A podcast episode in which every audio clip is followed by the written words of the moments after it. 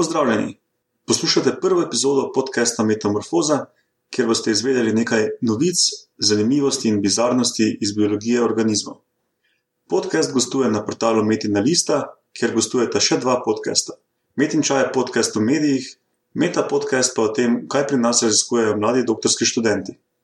Na podcast se lahko naročite prek RSS feeda na iTunesih ali z raznimi telefonskimi aplikacijami. Jaz sem Matjaš Gregorič, arahnolog, evolucijski biolog, zaposlen na Biološkem inštitutu ZRC SAZU. Danes je z mano Martin Turjak, prav tako biolog. Sicer pa, kaj si Martin, data manager, designer, Jaz sem v bistvu take, neke vrste frajkincler. Um, se ukvarjam pač s čimerkoli pride in te veseli. mimo in me pretegne, me veseli in se pol nekaj časa s tem ukvarjam, dokler me ne mine, pol pa spet nekaj novega mimo pride, pa se spet uh, lotim. Ne, v bistvu uh, moja uh, biološka karijera se je nekako tako v to računalniško sfero iztekla, ker je tudi moj doktorat bil tako zelo matematično in uh, računalniško obarvan, da se je potem uh, čist nekako naravno ta uh, moja trenutna karijera na to navezala, ki je pa bolj programiranje, spletne tehnologije, pa potem tudi kar me zelo veseli, je dizajniranje spletnih teh user interfejsov in ilustriranje. No, kot rečeno, tak, vse stranski eh, umetnik. Ker te pa dobro poznam, pa vseeno vem, da se tudi ukvarjaš z urejanjem in ustvarjanjem velikih podatkovnih baz. Ja, Da občasno še imaš stik z nekimi te, znanstvenimi podatki ali pa z, ob- z obdelavo podatkov. Vem pa tudi, da te zanima narava, zato sem te danes povabil zraven, da se pogovarjaš z mano. hvala, Matjaš. No, kot sem ti povedal, um, že vnaprej sem si zastavil ta podcast kot en lahkoten pogovor ob dobrem pivu. Se mi je zdelo, da sem takrat malo podkupil s tem. Ja, definitivno si me s tem pivom No, podkupil. Vidiš, da sem danes prinesel uh, zraven pivo uh, ene od naših bolj nedavno odprtih pivovarn Reservoir Dogs, Ja, varijo pa nekje v Goriški regiji. V teh kozarcih sodeče pivo kar dobro. Ne? ja, vse štiri jezdece apokalipse bova Bova sprobala. danes provala ob tem pogovoru. Dobro, potem pa najboljše, Zaenkrat sem navdušen. najboljše, da kar začnemo z novicami.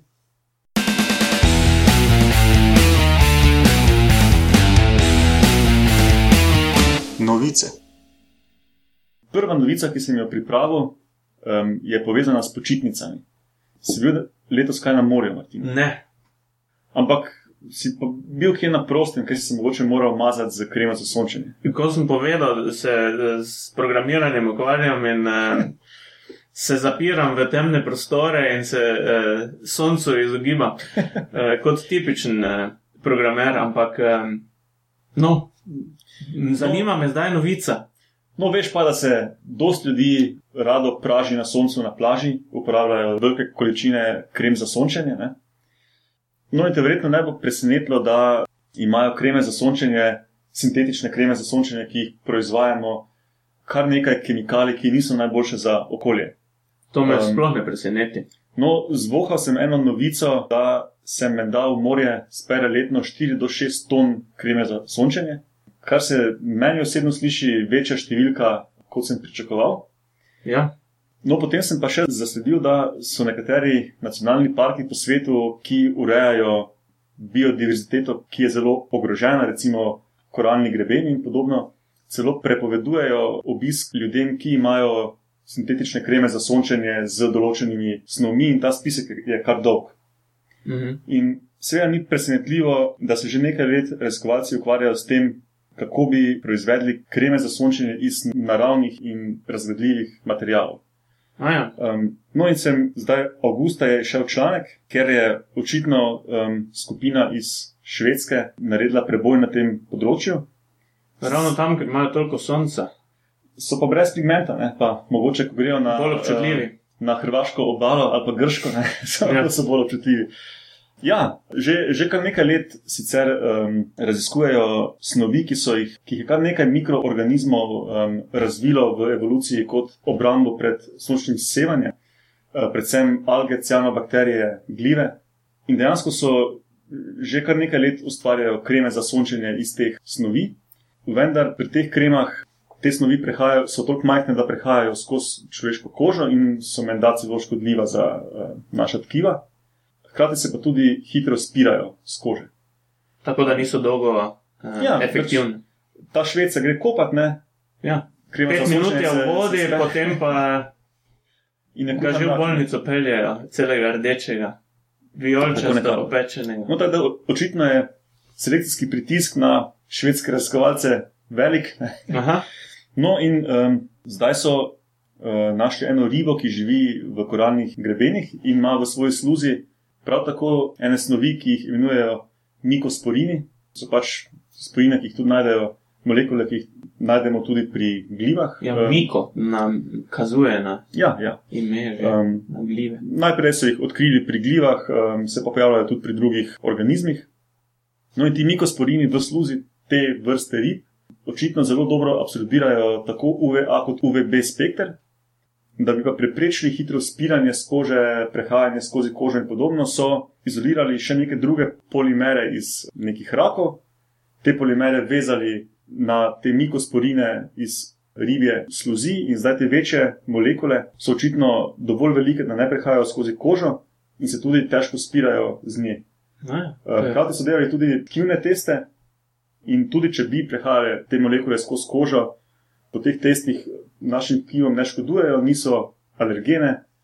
Bil sem pa tudi precej navdušen nad enim grafom, ko sem ga videl v tem članku, ker je UV, UV absorpcija teh, uh, teh velikih molekul uh, ni bistveno pada tudi čez več ur, tudi do 10 ur, očitno ta krema deluje. Ne? Se pravi, švedski obiskovalec Hrvaške obale lahko zaspi na plaži. Recimo. Ja. Ali no, pa že par poglavij ene zanimive knjige preberem. Recimo. Ja. Sicer sem bil ob vsem tem vseeno malo skeptičen, ker je le nekam dosti superlativo, mm -hmm. ampak um, novico bomo spremljali in videli, ja. če se bo mogoče čez nekaj let pojavil na trgu produkt, naravna krema za sončenje, ki bo v vsem prekašala sintetične. Vidiš, če bi jaz eh, vedel, da obstajajo neke te eh, naravne kreme za sončenje, prvi bi mogoče si lahko tudi jaz kot eh, belokožen programer privoščil par momentov na sončni svetlobi. Ali pa, pa celo na balkonu. Ja, preživeti. no, um, na koncu članka so dodali še, da izsledke tega članka bi morda lahko pogledala tudi industrija plastike in barv. In sicer naj bi, naj bi se dalo njihove rezultate uporabiti za razvoj bolj obstojnih barv in plastike. Ja, recimo, meni se je zanimivo zdelo, sem ravno pred kratkim zasledil uh, informacijo nekje, da se iste ali pa zelo podobne molekule, takrat je bilo govora o neki, neki titanijevi spojini, ki se uporablja ista spojina tako v kremi za sončenje, kot v eh, barvah za beljenje sten. Tako da, če se eh, nekaj efektivno lahko uporablja v kremi za sončenje, potem očitno se iste reči lahko uporabljajo tudi v obstojnih barvah za pleskanje sten. Da se sicer samo po sebi pojavlja vprašanje, ali je ta titanova spojina prisotna tudi v sluzi teh rib, ali gre za neke druge kemijske postopke, ki so jih pogruntali ja. in bi jih lahko uporabili. To pa treba te uh, švede vprašati. Ali pa enega kemika, ki bi ta članek malo boljše razumel kot jaz. No, to naj pripelje že do druge novice, ki pa bo iz um, ribe, sluzi in krem za sončenje, pa zdaj šla na penise, na lulčke. Uh. Ampak žal, vidim, da sem te razveselil, ampak žal ne bomo govorili o človeških lulčkih, Ja, ta uh, prehod iz kreme za sončenje je bil tak, da uh, je me direktno asociiral potem že na nudistične plaže in zdaj lulčki. Jaz sem že bil čist. Uh... Ostale bomo na plažah, Aha. vendar ne pri ljudeh, ampak pri drugih prebivalcih oziroma obiskovalcih, prebivalcih plaže. To so vitičnjaki. Oh. Vitičnjaki. Zdaj najprej moramo razložiti, kaj vitičnjaki sploh so. To so taki eh, čudaški rakci, Ja, res je. ki sploh Um, ne izgledajo kot rakci. to so um, tiste hiške, ki jih uh, vsi obiskovalci lahko vidijo na praktično vsaki, vsaj jadranski obali, verjetno pa kar vsaki kamniti obali. Mhm. Um, imajo takšne enakomerne, kako se temu reče, um, Piramidaste. piramidaste hiške, ja, z eno luknjico na vrhu te piramidaste hiške. Ja, take neke, Ovalne piramidaste hiške. Ne? taka neka vratca, neki Uh, poklopci. še Bistveno na- je, da so s to hiško prisesani na skalo. Ja, ne morejo se premikati. Za, so. zato, bi, zato verjetno vsak naključen obiskovalec plaže misli, da so to polži. Čeprav so res eni polži podobni po obliki tem rakcem, te rakce spoznamo po luknjici na vrhu hiške. Uh, skozi to luknjico stegajo svoje lovke, s katerimi filtrirajo hrano, so hermafroditi, vendar se ne morejo sami oploditi. Samo zadovoljiti. Tudi tako bi lahko rekel. Mogoče Eh. se to lahko, ampak oploditi se ne može. ne vemo, glih, če jim to ugaja, ampak lahko špekuliramo. Ne. No, ker so sesilni in vedno celo življenje prisesani na skalo, um, so v evoluciji razvili izjemno dolge penise, ki jih stegujejo Tja, ko skozi hiško, z njimi treba. mahajo okoli Ja. in iščejo druge partnerje. Sosedje prav tako stegujejo penise okoli in oplodijo tudi njih. A sami, ja. ne. Drug drugi en, en, en drugega oplodijo. Ja, tako. v uh, legendi tega podcasta bomo dali tudi video do, ene, uh, do enega parjenja vitičnjakov, da si lahko poslušalci ogledajo, kako to v praksi Ne izgleda. samo poslušalci, tudi jaz si bom to čim prej ogledal. Prav Um, zanima. Drugač pa so vitičnjaki pri raziskovalcih priljubljeni še zaradi ene druge lastnosti. In sicer so priljubljen modelski organizem v raziskovanju plastičnosti, kot biologi rečemo, spravi sposobnosti, da se tekom Prilagajajo. prilagajajo na neke hitre spremembe v okolju. Naprimer, glede na to, kako valovita je voda, v kateri živijo, spreminjajo trdoto hiške, velikost svojih filtriranih lovk Mhm. In tudi morfologijo penisov. Zanimivo. Recimo, ugotovili so, da v razburkanih vodah so njihovi penisi sicer enako dolgi kot v mirnih vodah, ampak bistveno bolj debeli, masivni. Ni pa še jasno, ali to vpliva na njihovo sposobnost, da zaplodijo čim več svojih sosedov. A ja. Ob tem je treba tudi povedati, da vsako leto jim zraste nov penis.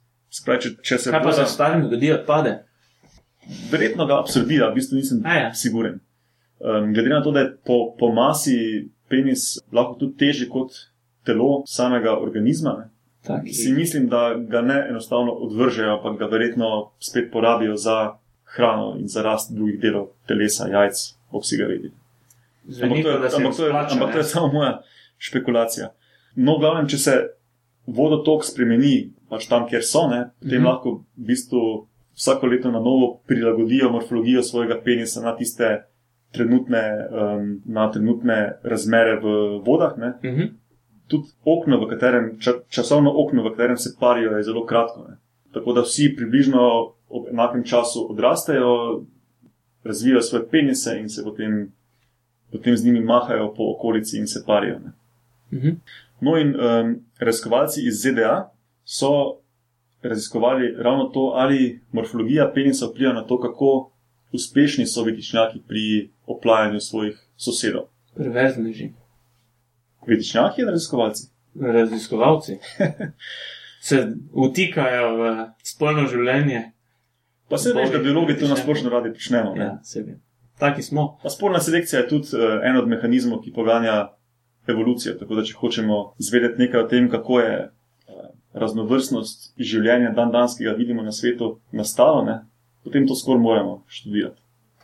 No, ugotovili so, da so penisi v razburkanih vodah sicer enako dolgi kot tisti v mirnih vodah, ampak bistveno debelejši in masivnejši, in da v razburkanih vodah takšni penisi oplodijo več sosedov kot vi- vi- vitičnjaki z tankimi penisi.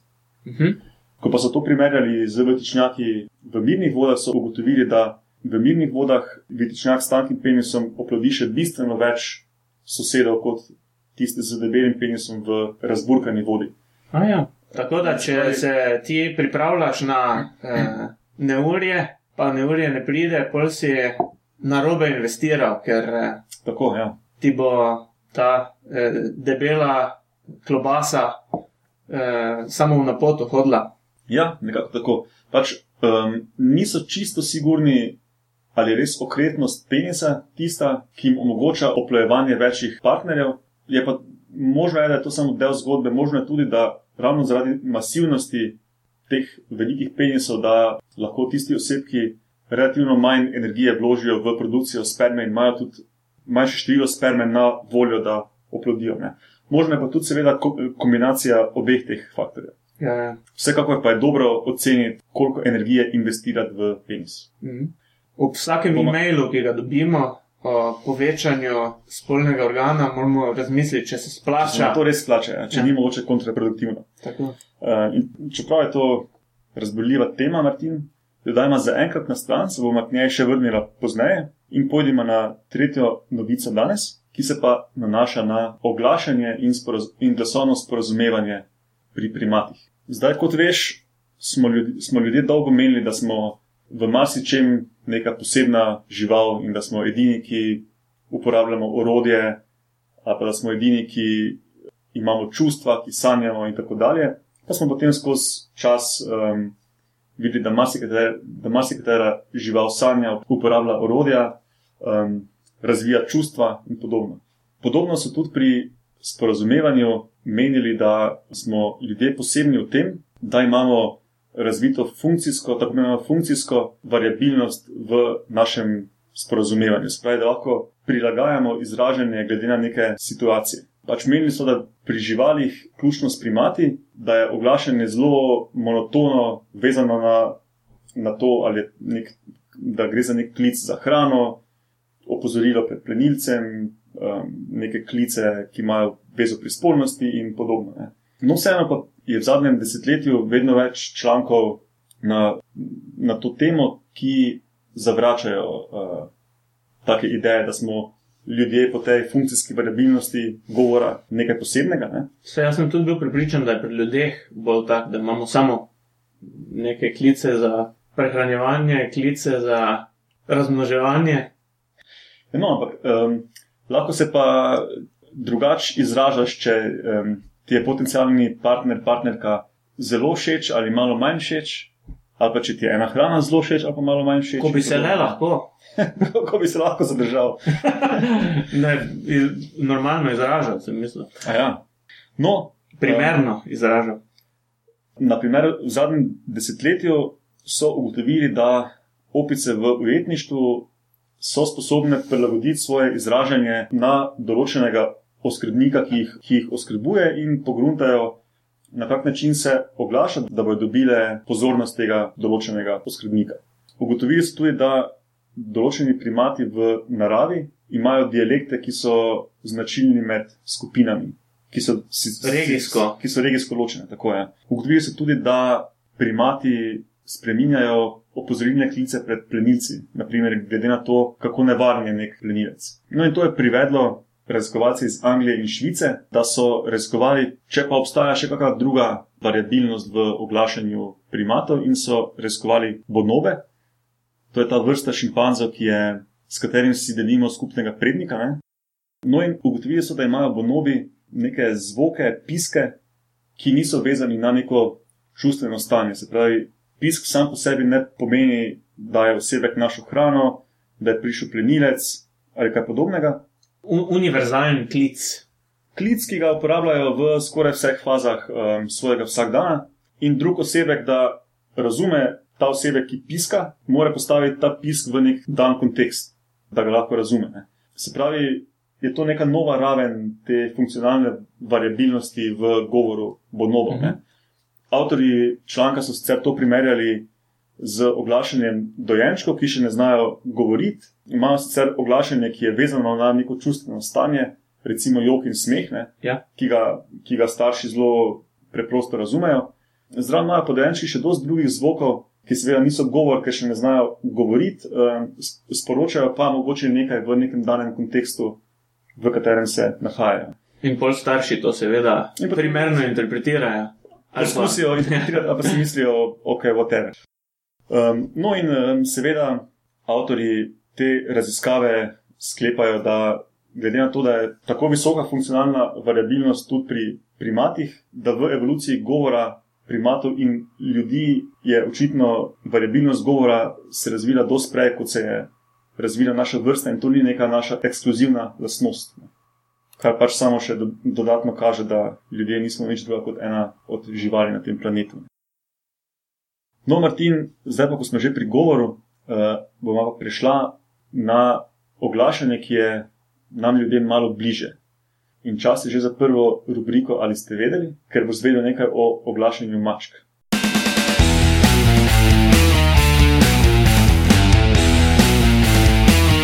Ali ste vedeli? Kot pač jaz vem, ker te poznam, si tudi ti lastnik mačk, Dveh dveh mačk. razcrtlanih. No, v tem kontekstu si kdaj opazil, da imata posebno oglašanje v kak poseben namen, da bi, da bi ti mački vzbudili tvojo pozornost. Meni se zdi, da se vedno oglašata tako, da bi radi čim več eh, moje pozornosti, obe. Največ je seveda dobita takrat, ko se oglašata na najbolj eh, nadležen način, ko se postavita nekam pred vrata, pa jokata, da bi jih le ven spustil na stopnice. Ampak eh, In njuna taktika všge? jaz sem tak eh, softi. Jaz se vedno udam. Ampak eh, se mi zdi, da nimata nekega pretirano razdelanega načina oglašanja. Je pa zanimivo, da imate vsaka čisto nek svoj način oglašanja, Uh -huh. ki si med sabo nista niti približno podobna. No- noben od teh ni nek ta, neko to tipično mjavkanje, ki si ga ljudje predstavljamo. Ena bolj čivka, ta, dru, ta druga pa bolj uh, mrmra na nek tak način Aha, aha. svoj.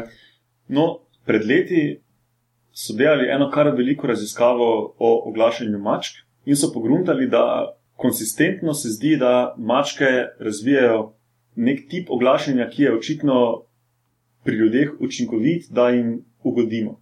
In to oglašanje bi naj bilo ena kombinacija tega visokofrekvenčnega mjavkanja, ki ga pač vsi poznamo, in predanja. Ja, ja. In meni, da ta, ta kombinacija je dobra za prebujanje lastnikov in fehtanje za hrano in podobno. Zanimivo. Kar sem, če smem, oprosti, tukaj vskočiti, ravno pred kratkim sem jaz tudi eh, bral eno eh, reč o oglašanju mačk, o komunikaciji med mačko in lastnikom.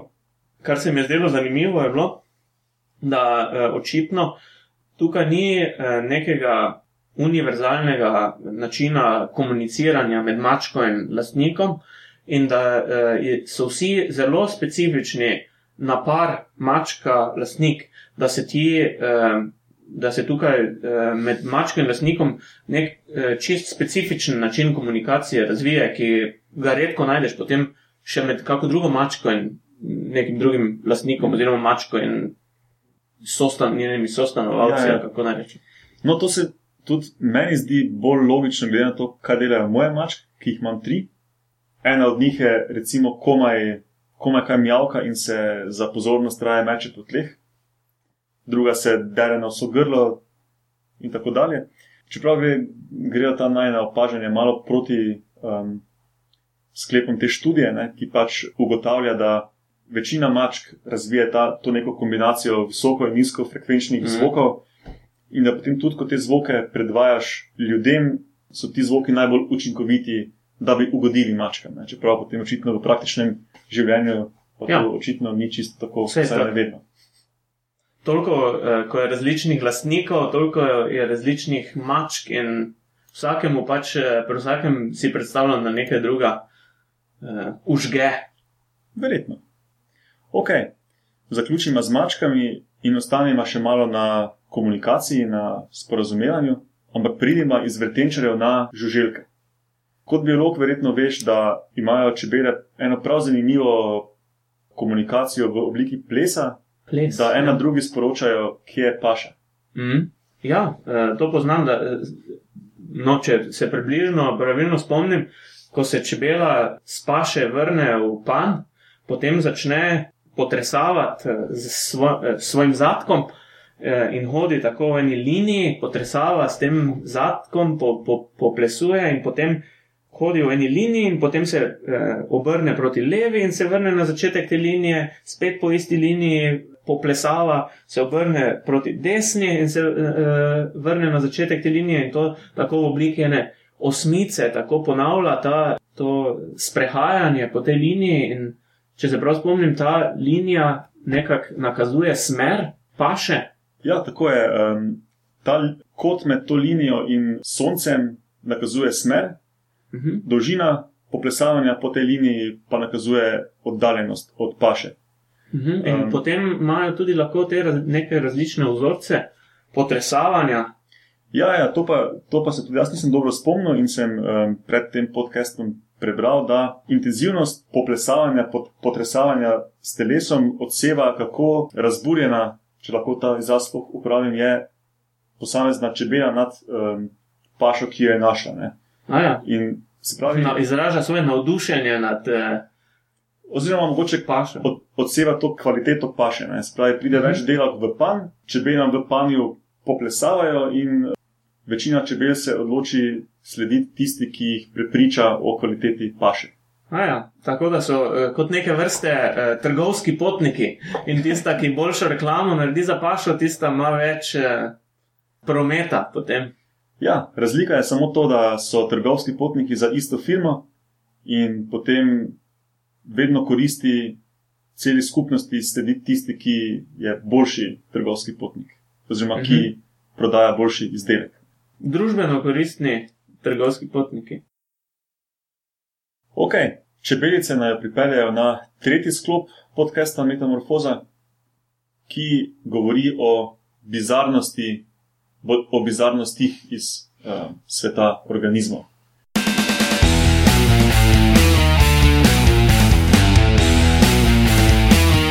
Vaški posebneži. Prva bizarnost, ki sem ti jo pripravil, naj spet popelje v svet penisov. Uh, In tukaj bova spet govorila o velikosti, eh, bolj specifično o dolžini, glede na telesno velikost ali o absolutni dolžini. Lahko mogoče uganeš, kateri organizem ima največji penis. ne vem, slon. Si blizu, mislim, da je slon na drugem ali tretjem mestu. Največji penis v absolutnem smislu ima sinji kit, A ja, ki je tudi en od največjih organizmov. organizmov na tem planetu. Ja. Tako, eh, In penis meri v dolžino 2,5 m. Sicer pa je To en, ko en eh, košarkaš, ta bi v NBA bi lahko. Ko je zelo visok center, ki, step, ki stopi samo na prste, da zabije. Recimo, ja. No, sicer pa je bolj smiselno živali primerjati po tem, kako dolg je penis glede na telesno velikost. In tukaj zmagajo prav, prav prej omenjeni vitičnjaki, ki imajo penis tudi desetkrat daljši od telesa, od dolžine telesa. Kaj si na? Kar ima smisel, saj morajo doseči svoje sosede, da jih Ja, ja. oplodijo. Morajo oplet, opletati s tem organom, malo po okolici, po sosedski. No, na drugem mestu je z razmerjem 2 proti 1 v korist penisa, če bi pričakoval ali ne, raca. Raca. In sicer ena argentinska vrsta race. Zdaj tukaj moramo najprej za poslušalce povedati, da ptiči običajno nimajo penisov. Ne. Imajo kloake, to so izvodila tako prebavil kot izločal, ki jih najdemo tudi pri zvožilkah, plazilcih ja, in, in spolovil. In vrabčki, ki jih gledamo skozi okno, kako se parijo na naši strehi ali dvorišču, se dejansko parijo tako, da gre kloaka ob kloako. Ne. Ni, ni um, organov, ki bi penetrirali drug, drug osebek. Ne. No, race so v tem primeru izjema, race in gosi, ki so razvile tako čudno, spiralno zavite penise, ki se ob, ob seksu eksplozivno izvihajo. Uh, bom dal tudi video v zapiske, da si ga lahko poslušalci pozneje ogledajo. Porniče. Um, Ra, rač je porniče. Rače porniče. Vse smo že ugotovili, da smo biologi, kar se tega tiče, malo čudni in Radi take. je, je to kar pogosto na, na našem dnevnem redu v službi. Ne. Um, no, pri racah gre celo za neko evolucijsko bitko med spoloma, za en spolni konflikt, kjer spola tekmujeta, kdo bo drugemu bolj uspešno vsilo svojo paritveno strategijo. Uh, samice so razvile en razvejan sistem spolnih duktov, ker se nekateri tudi slepo končajo. Labirint. Tak labirint, ja. Samci so zelo agresivni, jih skoraj. Jih zelo agresivno prisilijo uh, v, v parjenje, mi bi, re, mi bi rekli, skoraj posilili. Ja. One se pa se vedno nočejo vedno pariti in skozi evolucijo so samice razvile ta labirintast sistem, ker se penis samca doskrat izviha v, v eno slepo vejo ne, in dejansko ne oplodi jajc.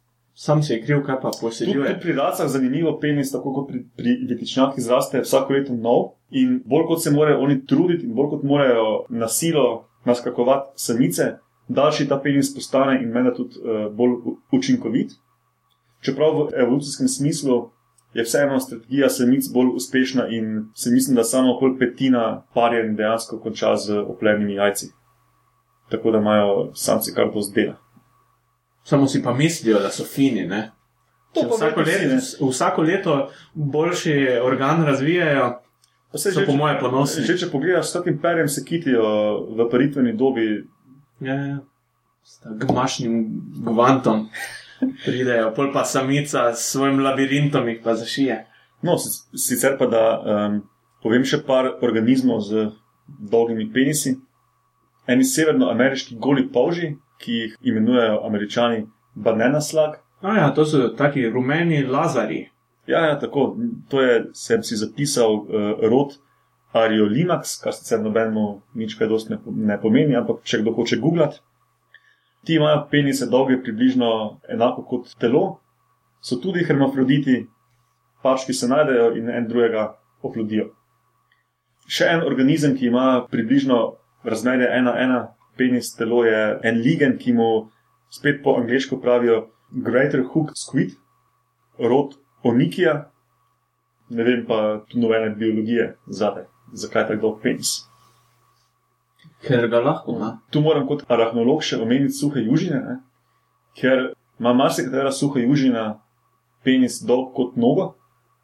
In če si predstavljaš suho južino, ima zelo dolge noge. Tisto malo kroglasto telo in dolge noge, očitno so raziskovalci, ko so delali te liste dolgih penisov, vzeli telo kot razpon nog pri suhih južinah. Aha. V nasprotnem primeru imajo tudi suhe južine uh, večkrat daljše penise od telesa. Če noge odšteješ. Če noge odšteješ, ja.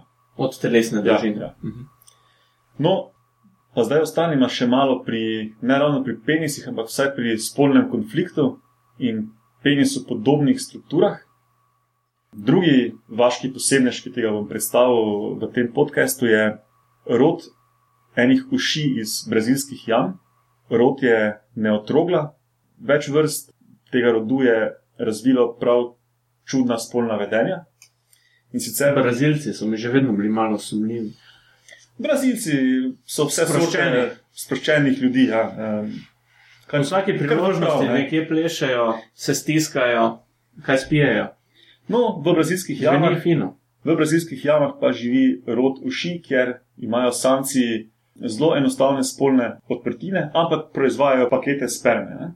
Uh mhm. -huh. Na drugi strani samice, ki rabijo to spermo, so razvile dolge izrastke iz svojega telesa, ki so povezani z izvodili, ki vodijo do njihovih jajc. In ta, ti izrastki so kot eni penisi z kavli. Samica naskoči samca, izviha in napihne ta svoj pseudopenis, če ga tako imenujem, v samčevem telesu, tako da se kavli na tem pseudopenisu zataknejo v samca. Ti uh, brazilski raziskovalci so celo poskušali uh, parčke med paritvijo ločiti in pri tem raztrgali samca. Se pravi, za samca je nemogoče, da se samica reši, dokler je njen pseudopenis napihnen in zagozden z kavli v njem. Samica potem samcu izsrka vso spermo in se oplodi ali ne. In to je meni osebno bolj najbolj hecno. Te samice so, um, kot strokovno rečemo, poliandrične, pomeni, da se parijo z večjimi samci, tudi več kot z desetimi samci na samico in oplodijo se samo za spermo določenih samcev. Če samec nima sreče, so zbirčne. So izbične in uh, spermo nekaterih samcev enostavno pokrustajo. Ja. In s tem popolnoma kontrolirajo samčevo, samčev potencial, da se razmnožuje. Zanimivo. No, s to uh, bizarnostjo iz sveta uši smo današnji podcast zaključili. Kot rečeno, podcast gostuje na portalu Metina Lista, ker če vam je všeč, kar počnemo, nas lahko tudi finančno podprete. Um, sicer pa mene najdete na Twitterju pod Matjaš Gregorič, ker mi lahko pišete. Martin, bi rad ti povedal, kje te poslušalci najdejo. Jaz, eh, iskreno povedano, nisem pretirano aktiven na teh socialnih omrežjih, ampak eh, se me da najti pod mojim imenom tudi na Facebooku ali pa na Twitterju pod eh, M. Turjak, okay. če me kdo hoče kaj vprašati. Ok, to je za danes to. Uh, v naslednji epizodi podcasta Metamorfoza bomo razkrili nekaj novih fosilov, ki so pomembni za razumevanje evolucije cvetnic, kač, nevretenčarjev. Pogovarjali se bomo tudi o množičnih izumiranjih in o tem, ali danes živimo v novem obdobju množičnega izumiranja. Med bizarnostmi pa bo spet kaj dosti bizarnega. Rečemo adijo. Ja, hvala, Matjaš, da si me povabil. Ja, ni zakaj, hvala za pogovor. Adijo. Adijo.